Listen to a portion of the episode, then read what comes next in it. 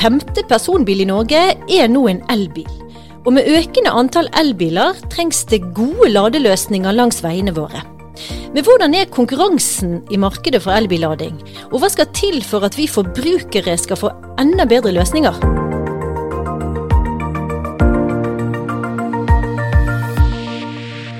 Du hører på Konkurransepodden, en podkast fra Konkurransetilsynet.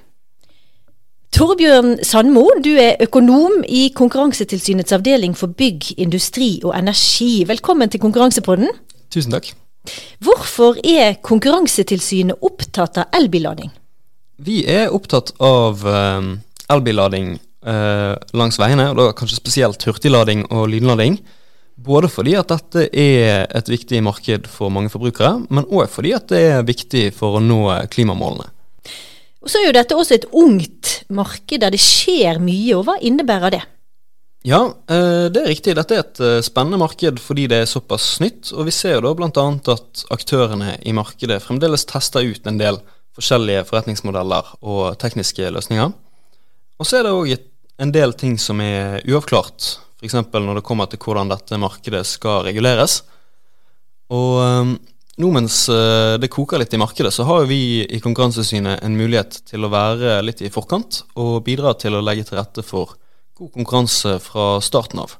Så tanken er jo da at vi skal kunne oppdage uheldige ting tidlig, sånn at vi kan ta tak i problemene før de får satt seg. Når vi snakker om dette som et ungt marked, eh, betyr det at dette er et marked som fremdeles vokser og eventuelt er i rask utvikling? da? Ja, det stemmer. Eh, som du nevnte, så er jo hver eh, femte bil i Norge nå en eh, elbil. Og vi ser jo at omtrent 80% av de nye bilene som blir eh, solgt her til lands, er elbiler. Og når antallet elbiler øker så fort, så er det jo viktig å sikre at utbyggingen av ladetilbudet holder noenlunde følge.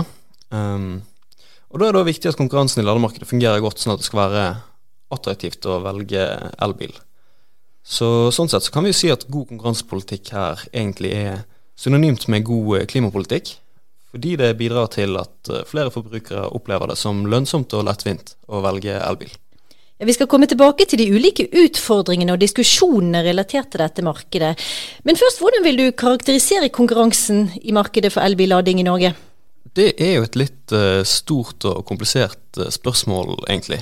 Eh, men du kan si at noe av det første vi ser på når vi skal vurdere konkurransen i et eh, marked, er jo gjerne hvor mange aktører som er til stede. Og når vi ser på lademarkedet nasjonalt, så ser vi eh, at det her er mange forskjellige aktører. Så det er jo ikke sånn at vi per i dag er bekymret for om dette er et nasjonalt monopol, f.eks. Men samtidig så holder det ikke bare å se på markedet nasjonalt. For hvis du f.eks. er ute og kjører langs en fjord her på Vestlandet, så hjelper det jo lite om det er mange aktører i en annen del av landet. Så vi må jo òg være bevisste når vi jobber inn mot markedet på at det kan være geografiske forskjeller her når det kommer til markedskonsentrasjon. Men sier du at det, det er sånn da at konkurransen vil fungere godt lokalt, bare det er nok aktører til stede innenfor et gitt område? Eh, altså, Det hadde jo vært fint, men det er dessverre ikke så eh, enkelt. Um, det er noen andre ting som må være på plass òg for at uh, konkurransen skal fungere. Eh, F.eks. så er det viktig at vi kunder har mulighet til å velge den billigste og beste ladeaktøren. Og da må vi ha god nok informasjon bl.a. om prisene. Hvis ikke bilistene kan orientere seg om prisene til de ulike aktørene, så har de jo heller ikke noen forutsetning egentlig for å velge den aktøren som har lavest pris. Og da har jo heller ikke ladeselskapene egentlig noen grunn til å sette ned prisene i utgangspunktet, så da kan man få stabilt høye priser. Så er det et uh, annet viktig poeng her, som er at det må være lett å bytte mellom ulike aktører. Så på en del ladestasjoner så er det noe sånn at man må registrere seg i en app for å få betalt, og du må kanskje opprette en bruker og legge inn kortinformasjon. Og det kan jo oppleves som ganske tungvint. Så Eh, når bilistene da har en høyere terskel for å bytte mellom ladeselskaper, så svekker det priskonkurransen i markedet. Eh, da fordi at aktørene forventer at færre kunder bytter dersom de setter ned prisen på lading. Skal, vi skal komme tilbake litt til det etter hvert, men hvor mange aktører er det i dag som konkurrerer om oss kunder? Det kommer litt an på hvor i landet du er, egentlig. Um, kan du si først generelt at uh, det er en fem-seks aktører som har ladere spredd utover så godt som hele Norge.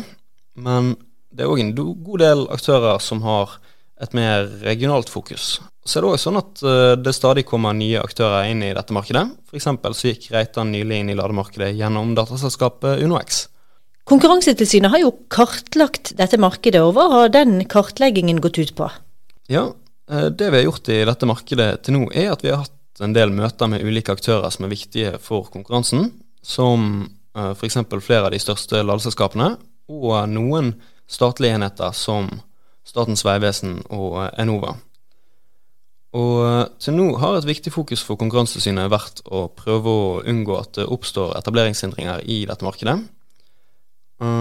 Og dette er noe vi er opptatt av fordi muligheten for nyetablering legger et press på de aktørene som allerede er i markedet, til å fortsette å forbedre sine tilbud ut mot forbrukerne.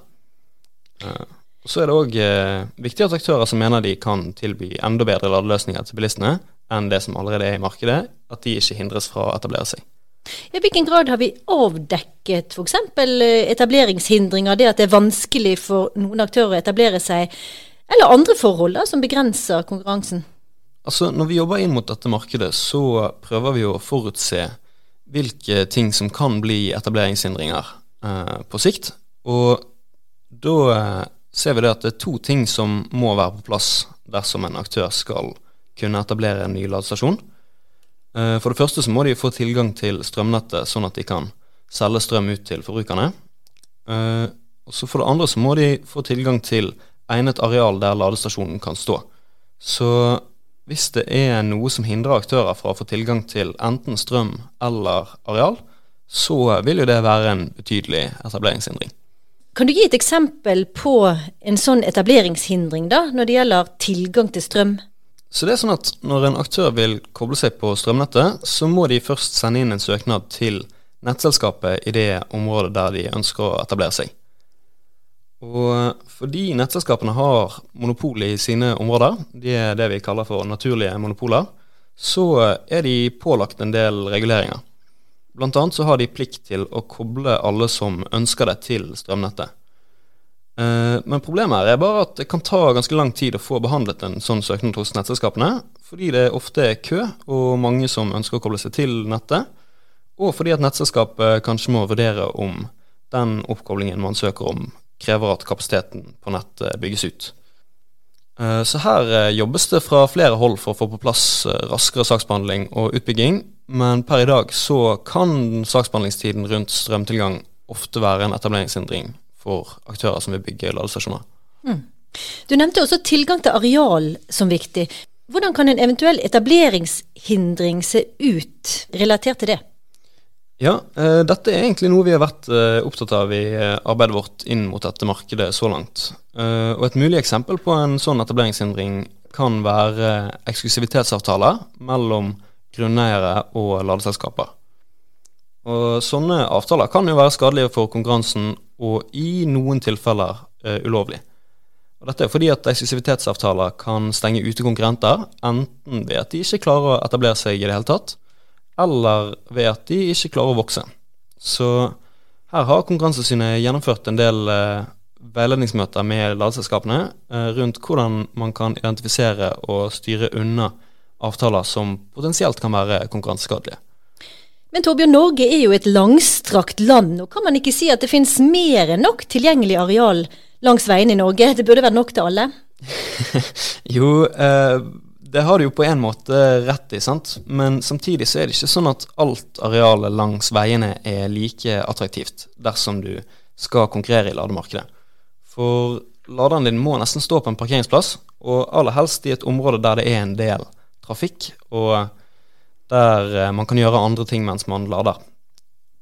Så det legger noen begrensninger på hvilke arealer som i realiteten er aktuelle for aktører som ønsker å etablere seg. Så er det kanskje heller ikke nok å se på hver enkelt avtale for seg, eh, dersom flere avtaler samlet kan føre til en betydelig konkurranseskade. Mm. Men du, Vi i Konkurransetilsynet har jo innført opplysningsplikt for flere ladeaktører. Eh, hva er grunnen til det, og hva innebærer det? Ja, eh, det er helt uh, riktig. Og vi kan kanskje ta det først at uh, hovedregelen i konkurranseloven er at det bare er større fusjoner som skal meldes til Konkurransetilsynet. Men så kan eh, tilsynet òg pålegge aktører opplysningsplikt. Og Da må de gi beskjed til oss om alle oppkjøp de foretar seg i et marked, inkludert da mindre oppkjøp som ellers ikke ville vært meldepliktige. Og vi har da valgt å innføre opplysningsplikt for de største aktørene i lademarkedet, fordi vi ikke kan utelukke at mindre fusjoner vil kunne ha en stor effekt på konkurransen i eh, dette markedet. Og Det er jo da spesielt tilfelle tilfellet nå når markedet utvikler seg så fort. F.eks. så eh, ønsker vi å følge litt med på at ikke store etablerte aktører begynner å kjøpe opp små innovative selskaper bare for å hindre fremtidig konkurranse, som da er det man gjerne kaller for killer acquisitions. Mm. Elimineringsoppkjøp eh, på norsk. Denne opplysningsplikten gjelder også for såkalte minoritetserverv, altså oppkjøp der kjøperen får mindre enn 50% eierandel. Hva er grunnen til det? Ja, det stemmer. Så opplysningsplikten eh, gjelder da òg minoritetserverv. Eh, og dette er jo da typisk oppkjøp som ikke gir kontroll i et selskap. Men vi ønsker likevel å ha litt oversikt over om konkurrenter begynner å kjøpe aksjer i hverandre sine selskaper. Og grunnen til dette er at en stor grad av krysseierskap i et marked kan svekke konkurransen. Det gir jo på en måte mening, sant? at dersom et selskap begynner å tjene penger på at konkurrentene gjør det bra, så er det plutselig ikke like attraktivt å konkurrere hardt i markedet. Det er mange som har sterke meninger om elbillademarkedet. Hvordan bør betalingen skje, hvordan bør det opplyses om prisene, og mye annet. Elbilforeningen er blant de som har kommet med tydelige anbefalinger. Vi gjør bilen klar. På denne stasjonen så er det kortbetaling. Det liker vi alltid. Og det som er kult her, du har pris både her nede, og du har også prisknapp her får du på hvor mye det koster. Ser også at her kan du både bruke Visa, Mastercard, Visa Pay, Google Pay, Apple Pay og også Samsung Pay for de som måtte, måtte ha det. Dette var altså hentet fra Elbilforeningen, og de er en av flere interesseorganisasjoner som har meninger om hvordan markedet for elbillading og tilbudet til forbrukerne bør se ut. Og Torbjørn, rett før jul så presenterte regjeringen nasjonal ladestrategi der de kommer med en rekke anbefalinger knyttet til elbillading, og hvordan tilbudet til oss forbrukere kan bli bedre. Og hva slags plan er egentlig dette? Ja, nå i eh, desember kom eh, ladestrategien som vi har vært eh, veldig spent på. Eh, og dette er da en plan for hvordan staten skal jobbe for å sikre at ladetilbudet fortsetter å vokse, og at eh, markedet utvikler seg på en måte som er til det beste for forbrukerne og for samfunnet. Hva er de viktigste tiltakene i denne planen, sånn som du ser det? Jo, eh, det er da et helt kapittel i ladestrategien som bare handler om dette med bedre brukerløsninger. Og der det foreslås en del eh, tiltak som skal gjøre det lettere å lade. Og eh, Konkurransesynet vi er jo enig i at det er behov for bedre brukerløsninger i dette markedet. Men vi er òg opptatt av at reguleringer ikke må innrettes på en sånn måte at det fører til dårligere konkurranse eller mindre innovasjon. Ja, dette skal vi komme tilbake til. Men et annet viktig punkt eh, i ladestrategien er jo dette med saksbehandlingstiden for tilkobling til strømnettet. Ja, eh, og dette òg er viet mye plass i ladestrategien. Hvordan man kan få ned eh, saksbehandlingstiden hos de ulike nettselskapene. Det er jo, som vi var inne på, viktig fordi at uh, lang saksbehandlingstid per i dag kan fungere som en etableringshindring for nye ladestasjoner i markedet. Og så ser vi òg at ladestrategien flere steder understreker viktigheten av å legge til rette for god konkurranse. For så presiseres det at Statens vegvesen skal ta konkurransehensyn ved tildeling av leiekontrakter langs riksveiene.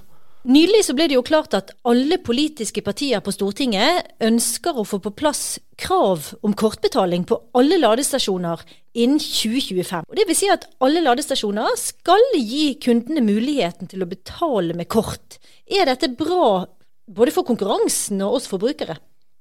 Uh, ja, det er jo egentlig et litt uh, komplisert spørsmål. Um, det jeg kan si sånn generelt, er at Konkurransetilsynet ofte er skeptiske til denne typen krav der aktører pålegges å bruke en spesifikk type teknologi. Og det handler ikke om at vi i Konkurransetilsynet er mot kortbetaling.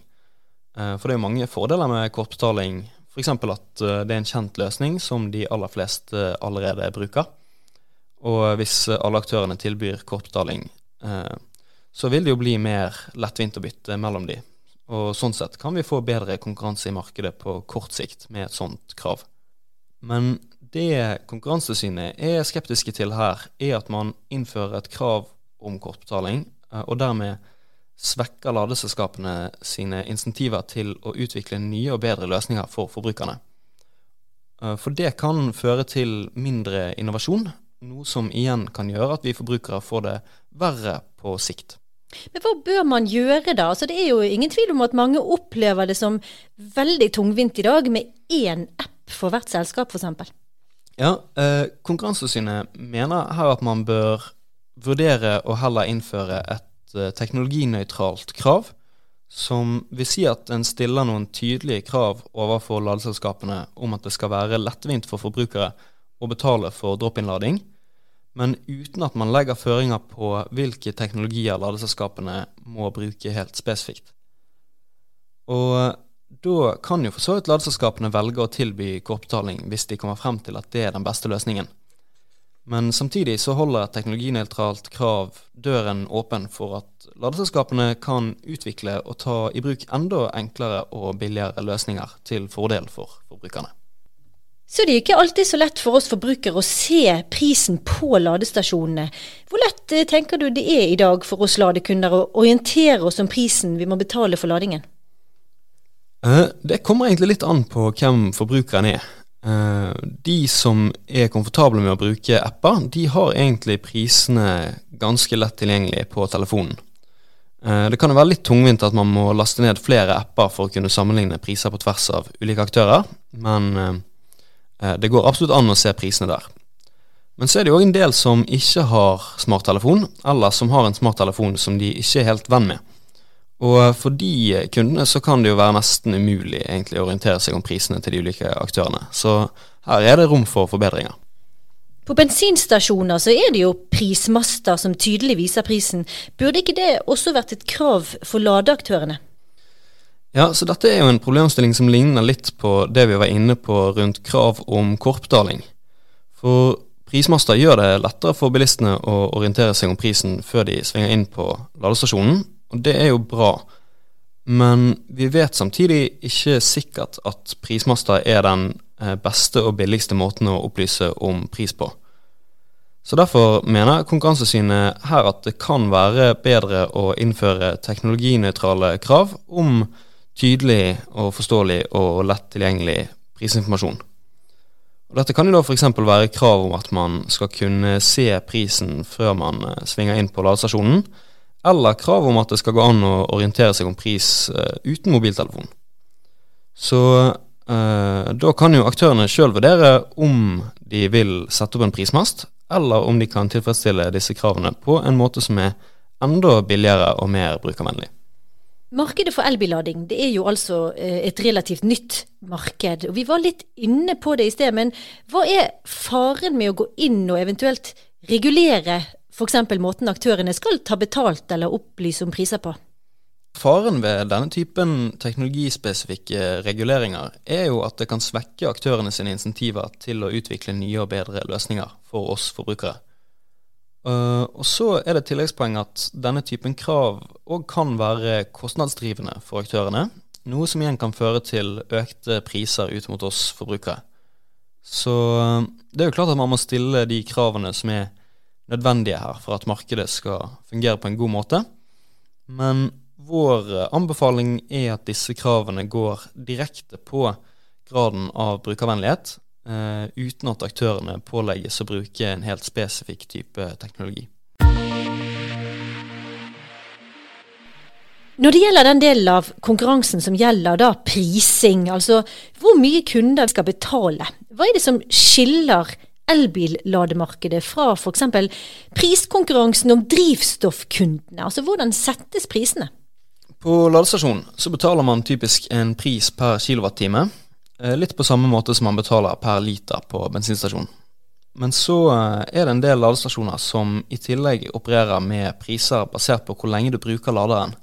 Enten da eh, at det er en fast pris per minutt du står på ladepunktet, eller at det legges til et ekstra fastledd på prisen hvis du står lenger enn en gitt tid.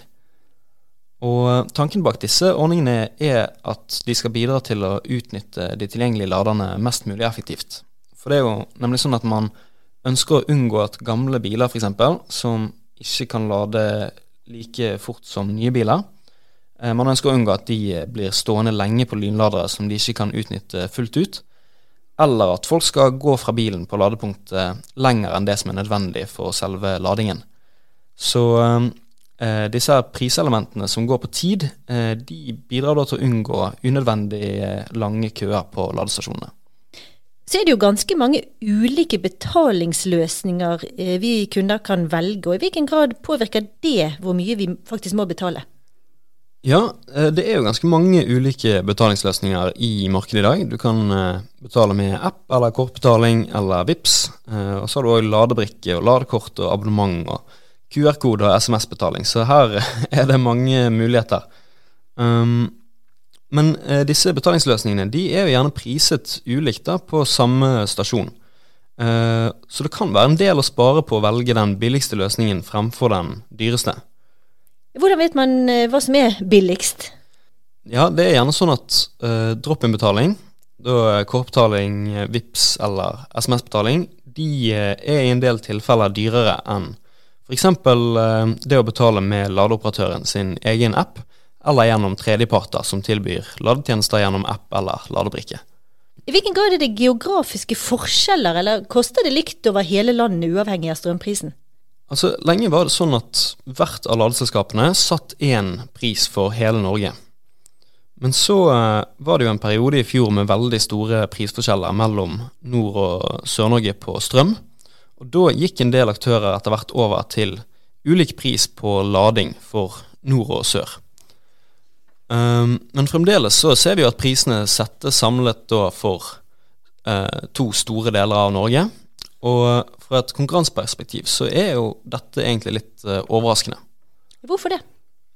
Jo, altså du kan si at dersom konkurransen fungerte helt optimalt, så ville vi kanskje forvente at noen aktører satt lavere priser i områder der det er mye å tjene på å underby konkurrentene.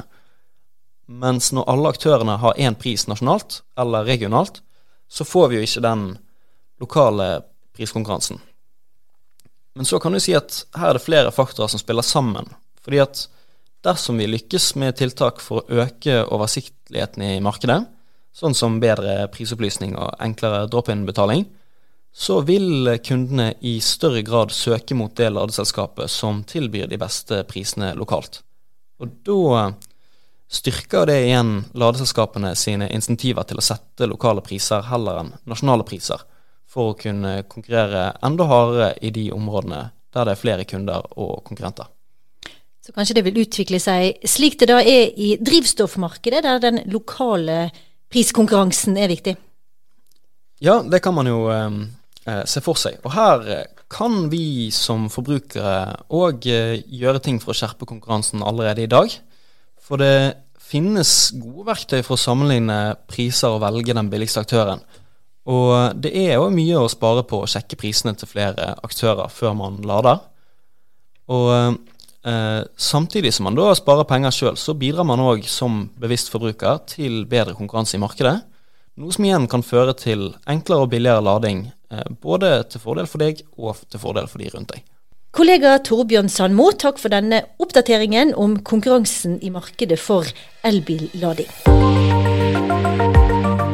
Konkurransepodden er tilbake med ny episode om ikke lenge. Takk til deg som hører på oss. Jeg heter Siri Løken og jobber i Konkurransetilsynets kommunikasjonsavdeling. Flere nyheter finner du på nettsidene våre. Du kan også følge oss på Facebook, LinkedIn og Twitter.